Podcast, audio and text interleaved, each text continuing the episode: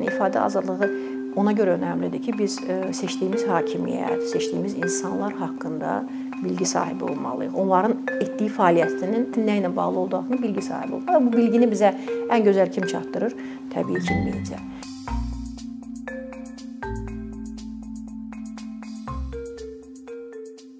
Media etika predmetimizi müəyyənləşdirək özümüz üçün. Media etika nəyə lazımdır? Ümumiyyətlə media etika lazımdırmı? Sual əslində ritorikdir. Deyəcəksiniz lazımdır və mən bununla da öz çıxışımı bitirə bilərəm. Çünki təbii lazımdır. Biz hamımız buna əməl eləyirik və gözlənilməlidir. Amma media etika çox zaman gözlənilmir və ciddi problemlər yaşayırıq bununla bağlı. Nə üçün? Çox asan izah etməyə çalışacağam. Media etika və insan münasibətlərinin, auditoriya münasibətlərinin iki tərəfi var. Auditoriyadır və ikinci həmin qocaman, böyük, çox sürətli inkişaf edən media industriyadır. Auditoriya tərəf deyir ki, mən məsumam, mən sadəcə oturmuşam, izləyirəm, baxıram və qiymətləndirirəm və çox zamanda bu verilən informasiya selindən mən razı deyiləm. Bu auditoriya, auditoriya tərəfin yanaşmasıdır. İkinci tərəf isə mediadır. Media bizə belə gələndə bilgisayarlardır, televiziyadır, radiodur və s. amma onları bu primitlərin arxasında böyük bir industriya durur. O industriya artıq 2 əsrdir, daha e, da qloballaşıb və onun özünün təbii ki, e, tələbləri və özünün e, sistemi var. Və Media nə deyir bizə? Media deyir ki, sən mənim auditoriyamsan, mən sənin istədiyin informasiyanı sənə verirəm və bununla bizim aramızda olan münasibətləri nələr tənzimləyir? Sizin sayınız, auditoriyanın sayı. Əgər baxırsansa, yəni çox sadə deyilən bir şey var, izlənmə sayı var, reytinq deyilən bir şey var və çox bununla rahat biz tənzimləyə bilərik. Əgər izlənmə sayın bu qədərdirsə, demək sən oturmusan auditoriya olaraq məni izləyirsən və məni bəyənirsən. Və e, media son olaraq bu auditoriyanı e, yönəltmək üçün ona təklif etdiyi həmin o reytinq dediyim o e, izləmə sayını qaldırmaq üçün nə ilə məşğuldur? Sənin istədiyini sənə verirəm? Yox. Çünki onun istədiyi materialın biznes potensialı yoxdur. Sadəcə sənə nəyi sata bilər anlamından çıxış eləyərək sənə xüsusi bir kontent yaradır. Və burada etika məsələsi ortaya çıxır. Biz deyirik ki, biz izlənmirik, sevmirik, bu bizi qıcıqlandırır. Media deyir ki, xeyr, izləyirsiniz, bu önəmlidir və burada bizim bir biznes kimi ayaqda qalmağımız üçün çox lazımdır. Yəni bu iki çox ziddiyyətli münasibətlərdir. İki çox ziddiyyətli münasibətlərdir və bu münasibətlərdə dediyim etika üzə çıxır. Yəni bizim ən çox bəzən şikayətləndiyimiz şey medianın etikanı gözləməməyi, etik problemləri gözləməməyidir. Və mediada etikanın gözlənilməyi nə üçün önəmlidir? Hüquqşünaslar, həkimlər, elə sahələr var ki, orada etik problemlər sırf insanlarla bağlı olduğu üçün çox gözlənilir.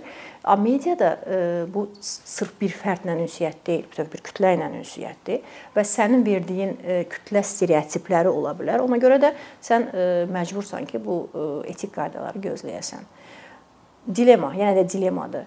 Sən rəqabətə davamlı olmalısan, ayağının altındakı torpağı itirməməlisən və bunun üçün də bəzən doğranıb zibil vedrəsinə atılmış banu haqqında informasiyanı verməlisən. Etik olaraq düşünürsən ki, bu haqqda informasiyanı vermək, bunu yaymaq düzgün deyil, amma yəni sən bunu düşündükcə, düşündüyün sürəcdə digər bir rəqab rəqib kanal bunu verir heç bir etik e, dilema hiss etmədən sadəcə reytinqdir, bu oxunacaq. Bu çox qızardılmış faktdır. Bu bunu atacağıq kütləyə və bu çox maraqlı bir şeydir. Və burada bu dilemanı necə həll etmək lazımdır? Çünki yenə deyirəm, e, söhbət biznes e, media industriyadan gedir, söhbət ayaqda qalmaqdan gedir və sən düşünürsən ki, bəzən mən ola bilsin ki, standartlarımı aşağı salım standartlarımı aşağı saldıqca auditoriyanın hansısa bir ümumi nöqtələri tapım və auditoriyaya sırf yenə də e, reytinq gözü ilə baxım. Yəni bu an əslində reytinq nədir? E, elə bir sehrli qorxulu söz də deyil. Reytinq nədir? Bu an siz mənim reytinqimsiniz, düzdür? Bu an e, məni dinləyən insanlar mənim reytinqimdir və bu demək deyil ki, onlar hamısı mənim dediklərimi qəbul eləyir. Amma sayı var. 30 nəfər izləyir bunu. Kimsə nə bilim mətbəxdə işi ilə məşğuldur, kimsə e, telefonunda chatla məşğuldur, kimsə mənim sözlərimi dinləyir və mənimlə razıdır, kimsə əksinə. Amma e, bu mənim reytinqimdir və e, həmin reytinq mənə əsas verir ki, mən etik qaydaları pozum və əgər pozuramsa nə üçün pozum? Yəni bu baxımdan e, nə üçün daim bizdə sorğu yaradır, içərimizdə bir etiraz doğurur. Çünki e, etikanın gözlənilməyi, e, media etik problemlərin həll olunmağı çox buna daxili ziddiyyətli bir şey deyirlər. Yəni sən ya qazancını itirməlisən, ya sürətini itirməlisən, ya da məğrur təklikdə mən etikam, mən doğruyam, düzgünəm, təklikdə qalmalısan, amma düşünməlisən ki, bu sənə heç vaxt real pullar gətirməyəcək. Bu problemin bir tərəfi.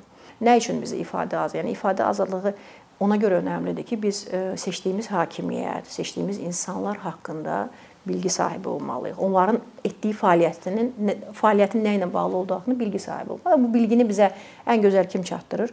Təbii ki, media. Əgər bilgi sahibisənsə, fikir sahibisən və bu fikir fikir artıq toplumda e, başlayır cərəyan etməyə, səni doğru yönəltməyə. Digər tərəfdən e, bəzən bunu e, liberal dəyərlər tərəfdarı həmişə deyirlər ki, medianın bir anlayışı da var, bir bir funksiyası da var ki, sorğulamaq, soruşmaq, kontrol etmək və s. Bəzən media yüklənirlər bu baxımdan, kifayət qədər çox yüklənirlər ki, media sorğu sormalıdır, araşdırmalıdır və s. Bir də mən altını çizərək bunu qeyd etmək istəyirəm. Mənim əsas söhbət etdiyim şey xəbər mediasıdır. Yəni əyləndirmə, maarifləndirmə, bəli, bunlar hamısı medianın funksiyalarına daxildir, amma xəbər mediası deyilən bir e, anlayış var ki, bunların e, etik prinsipləri tamamilə fərqlidir. E, düzdür, xəbərin də kommersiyalaşmaq, xəbərin də dəyərə çevrilmək, xəbərin də pul qazanmaq potensialı, biznes potensialı var. Amma digər tərəfdən xəbər daha etik, xəbər mediası daha etik gözləntilər var ondan. O daha etik olmalıdır. Bu etik anlayışlar nədir? Bu bizim çox sevə-sevə danışdığımız etik anlayışlar nədir? Çox sadə şeylərdir. Yəni əvvəldən elə bu peşə yaranandan dəyişməyən şeylərdir. Bəziləri ola bilsin ki, öz platformalarına görə bir qədər fərqlidirlər. İnformasiyanın qaynaqları informasiyanın qaynaqları nə dərəcədə səhihdir. Bu sözü sevmirəm əslində, amma səhih nə qədər dəqiqdir, nə qədər doğrudur. Yəni çox məşhur bir formula var ki, informasiya ən azı 3 bir-birindən asılı olmayan qaynaqlardan təsdiqlənməlidir və yalnız bundan sonra sən onu yayımlaya bilərsən. Bu, yəni sırf professional, yəni etikanın içərik fərqlidir. Sənin məsələn intervyu aldığın, işıqlandırdığın insanlarla münasibətin etik tərəfləri, sənin biznesinin etik tərəfləri, jurnalistika biznesinin etik tərəfləri, sənin davranışının etik tərəfləri. Ona görə də bunlar hamısı özü xüsusi demək tənzimləmələrə məruz qalmalıdır. Yəni sən əgər insandan intervyu alırsansa, müsahibə alırsansa, canlı şahidlərdən müsahibə alırsansa, yəni bu artıq sənin professional tərəfindir. Sənin yaradıcılığının professional tərəfidir və insanlara empatiya quraraq bunu etməlisən. Bu da çox ziddiyyətli bir tərəfidir. Yaxud sən hansısa bir olayı işıqlandırırsansa, oradakı insanlarla münasibətin, oradan sənə gələn hansısa hədiyyələr, sənə olunan lütflərlə bağlı bütün bunlar da bir başqa etik dilemmadır və əsas da xəbəri işıqlandırmaq, kontenti işıqlandırmaq tərəfin. Əslində həmişə deyirlər ki, cəmiyyətdə hansısa bir fikir yaranırsa, onun haqqı var. Əgər bir fikir də varsa, o səslənməlidir. Ona görə də sən əgər bir materialı işıqlandıranda o ən zəif səslənən fikrə də yer verməlisən. Buna pluralizm deyirlər. Çünki bəzən pluralizm dediyimiz şey ona gətirir çıxarır ki, bir neçə ildən sonra həmin o nadir, heç kimin demək dəstəkləmədiyi fikir gəlir çox önəmli bir fikrə çevrilir. Yəni adətən bu parlaq fikirlər həmişə ideyalar elə olur. 50 il öncə çox cəsarətli sayılır, amma 50 ildən sonra görürsən ki, bu artıq adi mainstreamə çevrilir. Bəs medianın etik prinsipləri çox ciddi formada pozulanda nəyə gətirib çıxarır? Etik standartları biz hər dəfə aşağı salırıq. Hər dəfə biznesə görə, hər dəfə kapitalizmə görə, hər dəfə reytinqə görə aşağı saldıqca bu standartlar dəyişdikcə bizim ə, yaradıcı qabiliyyətimiz azalır, bizim kreativliyimiz azalır. Yəni bu çox ciddi problemdir. Digər tərəfdən çox vacib bir şey. Etik problemlər gözlənmədikdə biz öz şəxsi, özəl həyatımızı itiririk. Özəl həyatımıza müdaxiləni itiririk ki, bu da çox vacib bir momentdir. Özəl həyat qorunmalıdır, özəl həyat heç kim tərəfindən pozulmamalıdır və ona heç bir e, demək e, zoraki bir akt olunmamalıdır, həm mənəvi baxımdan, həm fiziki baxımdan. Ona görə də e, bunun etik problemlərinin bir ciddi tərəfi də bizim özəl həyatımıza kifayət qədər e, aktiv bir müdaxilənin olmağıdır.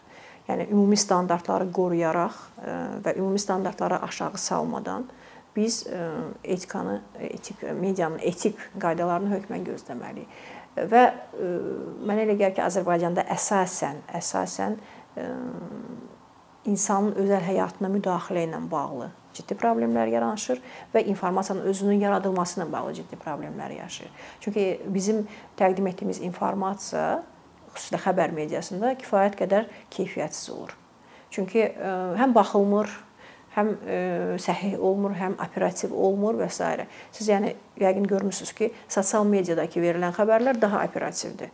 Əslində bu xəbər mediasının görəvidir. Daha operativ, daha sürətli xəbərləri çatdırmaq. Ona görə bu baxımdan həm peşəkar baxımdan, həm insani baxımdan etik problemlər bir sıra onların gözlənilməməyi bir sıra fəsadlar doğurur. Əkinçinin yeni videoları haqqında məlumatlı olmaq üçün kanalımıza abunə olmağı və xəbərdarlıq funksiyasını aktivləşdirməyi unutmayın. İmkandan istifadə edərək cari patronlarımıza işlərimizi davam etməyə yardım olduqları üçün dərin təşəkkürümüzü bildiririk. Əkinçinin Patreon icmasının üzvü olaraq siz bizim təşəbbüsə dəstək göstərməklə bərabər hazırladığımız materialları hər kəsdən öncə izləmə imkanı əldə edəcəksiniz.